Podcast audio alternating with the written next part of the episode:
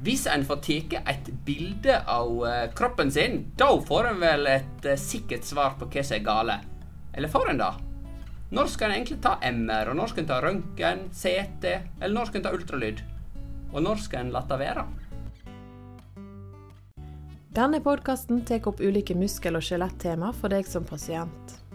Den skal gi deg kortfatta og forskningsbasert informasjon med en liten tvist av våre terapeuter sine meninger om temaet.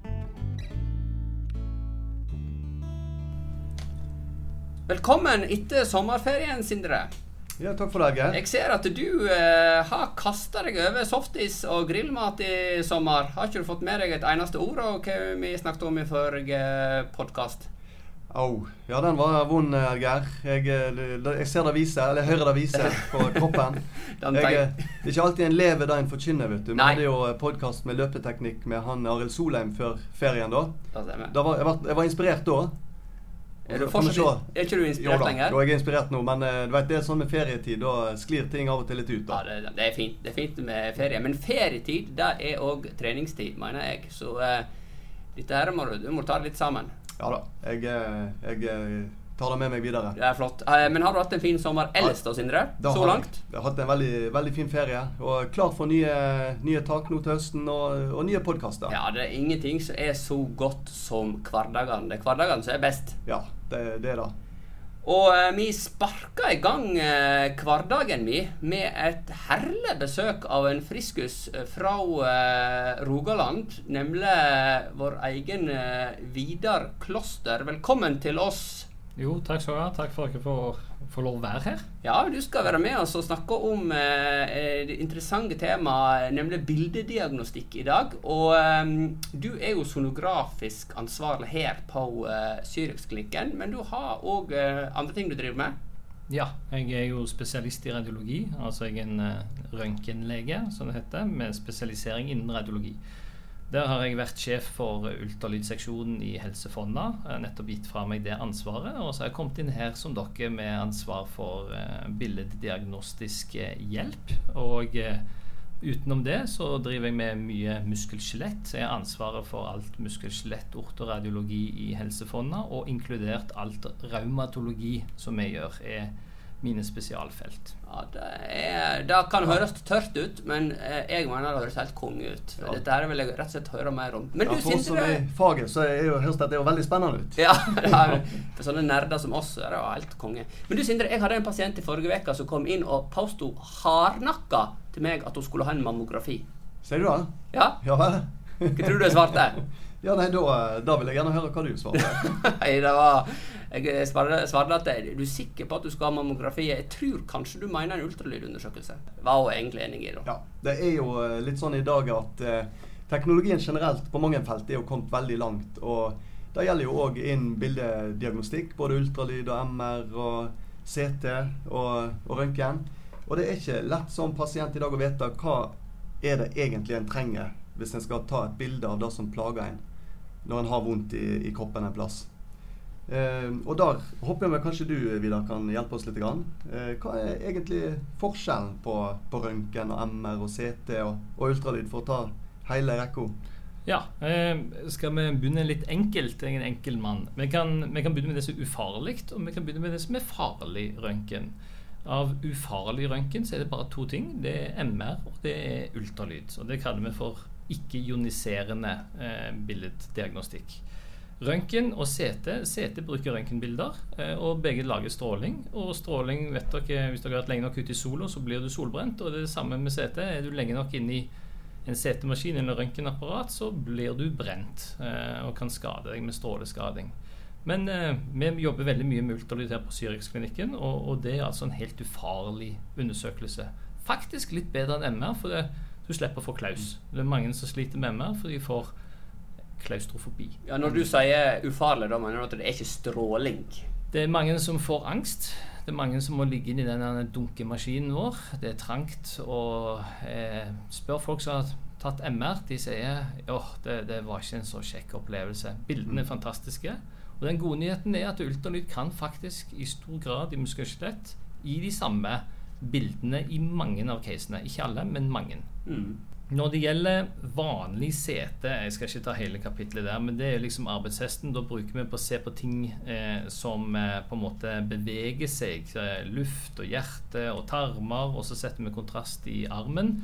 Og det bruker vi jo til kreft. Det er jo Mm. kreft som er på en måte ukontrollert vekst. Vi tar bilder av kroppen for å se hvor er det ting vokser som ikke skal vokse.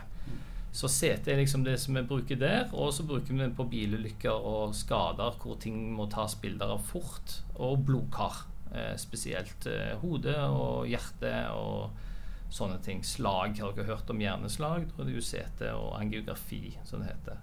Mm. Når det gjelder eh, røntgen, så kan vi se ting inni bein, da.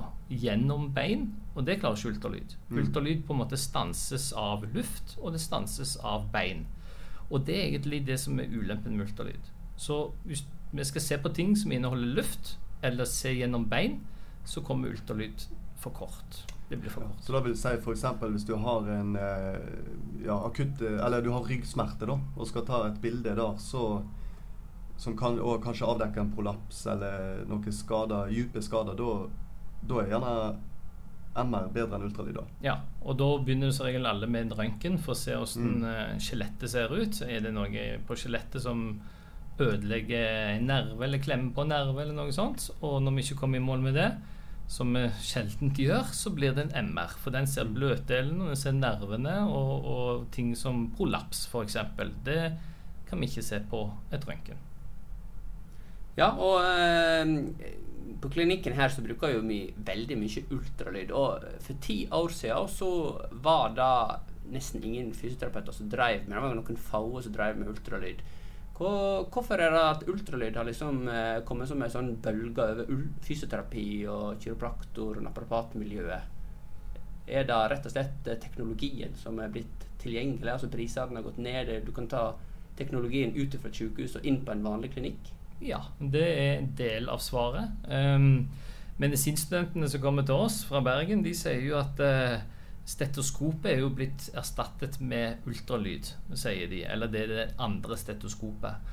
Og, og det er jo egentlig det fysioterapeutene sånn som dere har innsett. Dere har kunnskapen deres på muskel og skjelett. Dere kan senere muskler bedre enn ortopeder og røntgenleger. Dere har klinikken. Dere kan bevege på leddene. Når du har klinikken, da, det, hva det betyr? For, en, Det, for eksempel, jeg, jeg sitter og ser på en henvisning fra en fastlege. Si Sindre her har vondt i ryggen, og, og han har lyst på en MR. Og så lager jeg et MR-bilde. Jeg ser jo ikke at Sindre kommer inn på kontoret til legen haltende med høyrefoten og klarer så vidt å sette seg ned på stolen for han har så vondt i ryggen. Mm. Det er det kliniske bildet. Den har ikke jeg. Jeg har, jeg har et bilde jeg, hvor en person ligger standardisert i en MR, eh, tatt på den og den måten, for det er den eneste måten du kommer inn i den maskinen på. Tatt på den og den måten. Men jeg ser ingenting mer. Jeg Jeg Nei. ser bare bildene. Så jeg mangler klinikken, og er helt avhengig av folk som dere, som gir meg klinikken.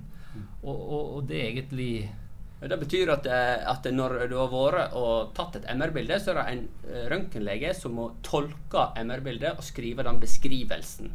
Og den tolkingen, den sitter du som regel da nede i en mørk kjeller bortgjemt på et uh, sykehus og gjør. Derfor er det litt sjelden at uh, en møter på en utadvendt uh, radiolog.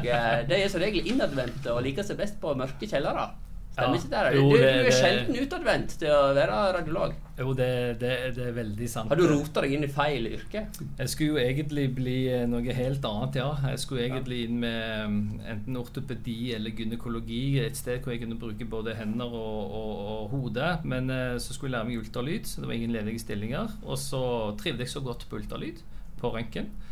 Og så ble jeg værende der, og så forsto jeg jo at det, det var mange røntgenleger som ikke likte pasienter. Min definisjon Jeg vet ikke om jeg våger å si det på, på podkast, altså, men, men eh, røntgenlegene, de gamle, det var sånne indremedisinske folk som på en måte har blitt lei av pasientene, men elsket diagnosene. Ja. Så de ville egentlig bare vite hva som feilte folk. De ville ikke høre på alt som de sa. Det er veldig stygt å si det. Men, men det var min gamle definisjon før jeg ble røntgenlege.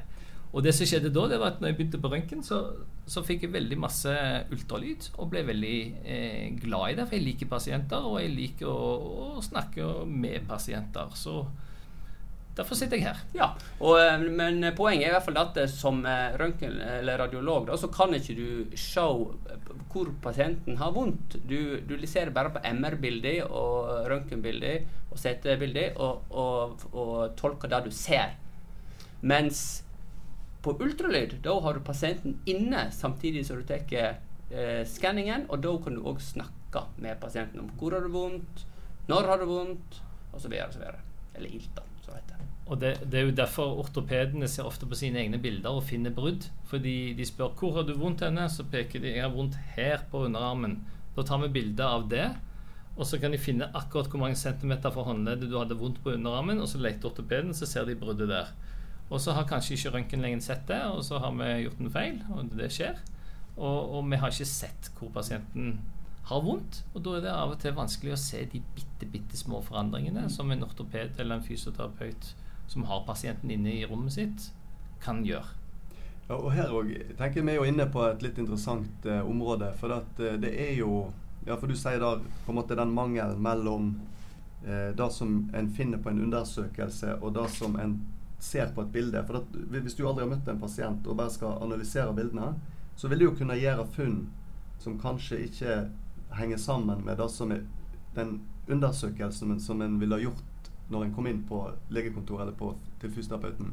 Mm. Og, og det er jo litt interessant. Og, og det ser jo vi òg, Edgar, og, og det ser nok du òg, Vidar. Når en, når en undersøker en skulder, f.eks., så kan en ha både pest og kolera, som en sier. At det, en har flere ting på en gang, og, og gjerne en gjør funn som som ikke passer inn med, med klinikken.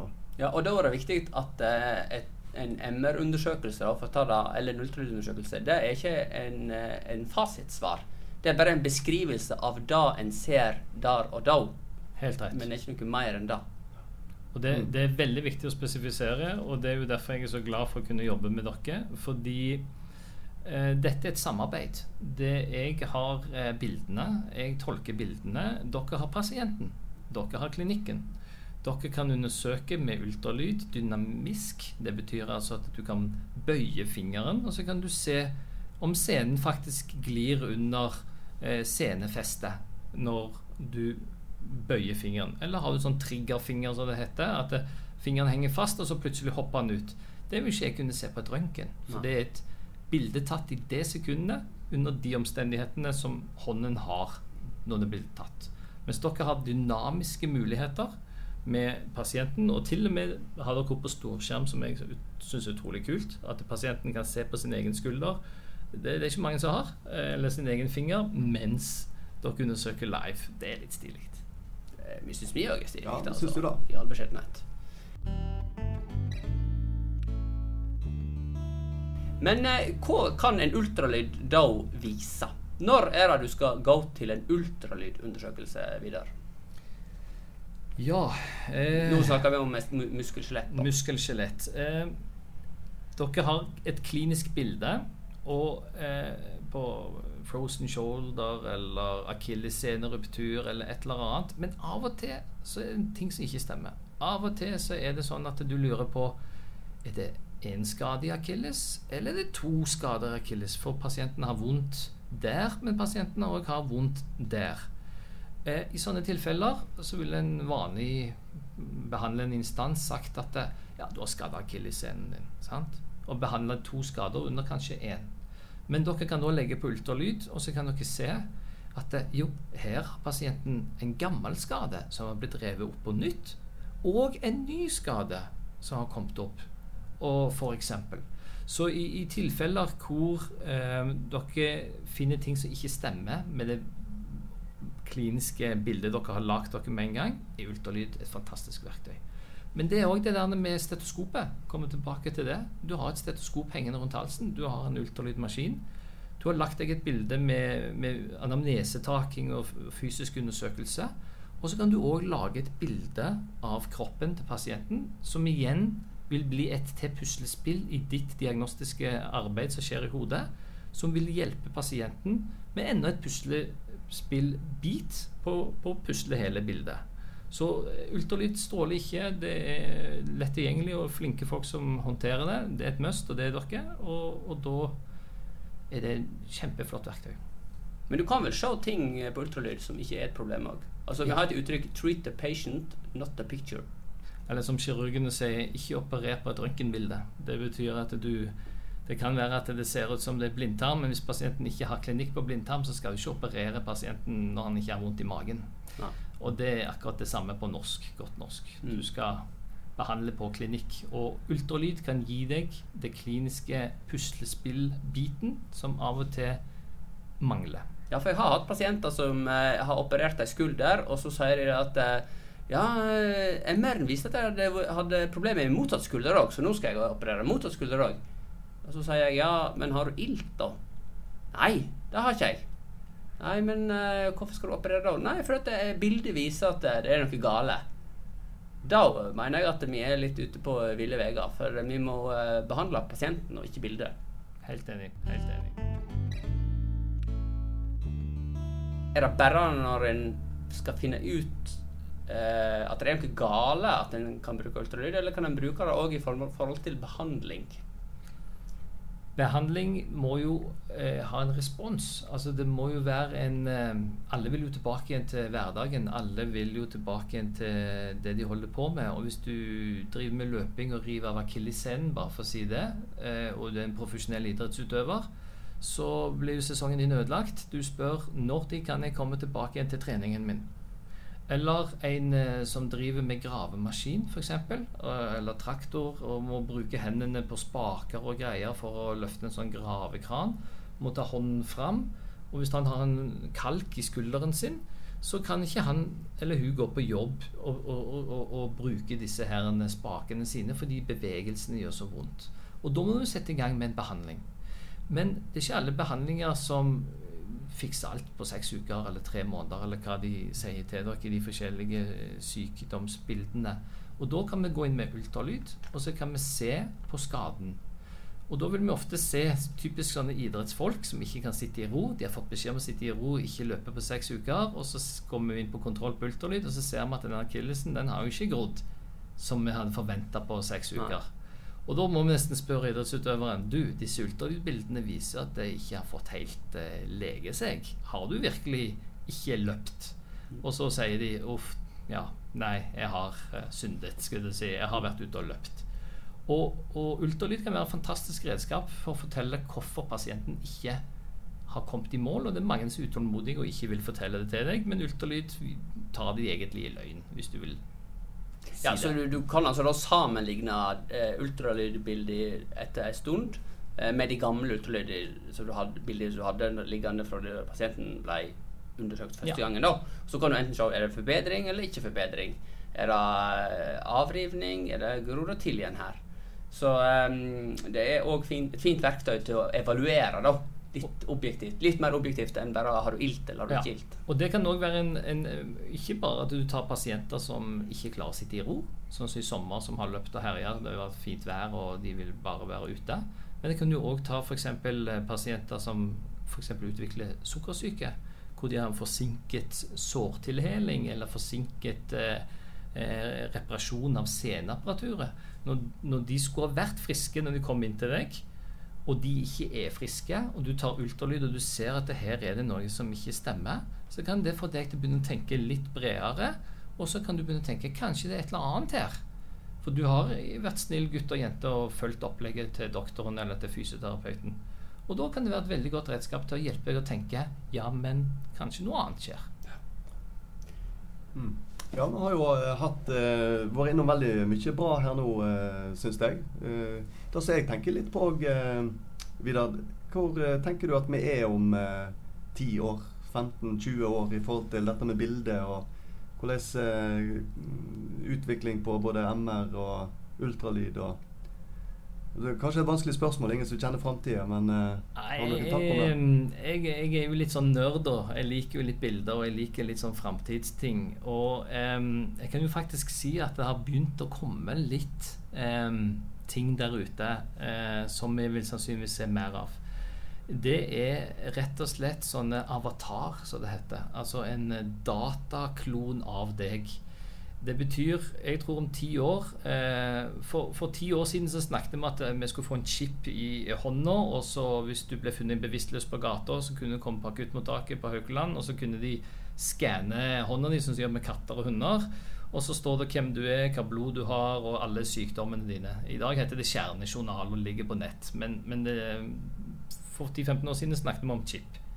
Det jeg tror vil skje om ti år, det er at alle røntgenbilder som blir lagra, eller MR eller CT, det vil bli lagra på deg. Og så vil røntgenbildene, ultralydbildene, eh, MR-bildene nesten lage en, en, kopi av deg, bare i bilder. Så da kan du se alle bildene dine, om det er ultralyd eller tarm eller hva det er for noe vi har sett på, så vil du på en måte ha en klon av den virkelige personen deg i bilder som du har faktisk fått utført. Ja, Det er kult. Og det tror jeg vil komme, faktisk. Ja. Det er liksom på en måte deg digitalt. Ja. Jeg, eh, det spørs om du er en bedre versjon eh, digitalt da, enn på ekte. Skulle ønske jeg kunne jukse på et par ting, ja. Men det er litt vanskelig. Ja, bare de ikke legger inn alt det psykologiske og alle de andre tingene òg i tillegg. Da blir det mye data.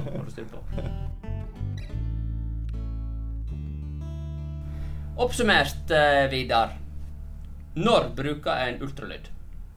Ultralyd viser generelt eh, bløte ting i kroppen, som muskler, sener, slimposer og alle bevegelige strukturer som vi bruker i skjelettapparatet, veldig godt.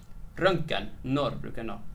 Hvis du skal lete etter ting som vi ikke kan se på ultralyd, altså luft, alt som heter lunger og tarmer og luft i mage, og bein, ting som er hardt, som stanser lydbølgene. Og MR? MR viser eh, ting som ikke beveger seg, som kan være i ro. Dvs. Si f.eks. muskler, eh, lever, andre strukturer med blodkar som kan ligge i ro lenge nok til vi kan lage et fint bilde av det. Typisk prolaps, rygg, hode, sånne ting. Mindre bra på hjertet, mindre bra på tarmer. CT. CT er arbeidshesten når vi lurer på om noe er galt. Alt fra du faller og slår deg, bilulykke, kreft eller slag. Alt når vi skal se hvordan blodet fyller seg i kroppen og lete etter eh, galne ting. Da er det jo kreft vi tenker på. Eh, da er det CT som gjelder. Vidar, det har vært aldeles glimrende å ha deg med eh, på uh, høstens første podkast fra Syriakspodden. Uh, jeg tror jammen meg vi må lage en podkast med deg igjen en annen gang òg. Ja, tiden gikk jo så fort at vi, jeg kommer stille gladelig opp igjen, jeg, altså. Ja, ja, Absolutt. Helt supert. Da takker vi for denne runden her, og på gjenhør. Takk for at jeg fikk komme, og vi snakkes. Takk for besøket. Takk for at du hørte på Syriakspodden. Håper du har fått svar på noe av det du lurte på. Gi oss gjerne en tilbakemelding på hva du syns, og om du har temaer du kunne ønske at vi tok opp. Edgar Gunvordal og Sindre Romerheim er begge spesialister i både muskel- og skjelettfysioterapi og diagnostisk ultralyd, og jobber til daglig på Syriaks klinikk i Bergen.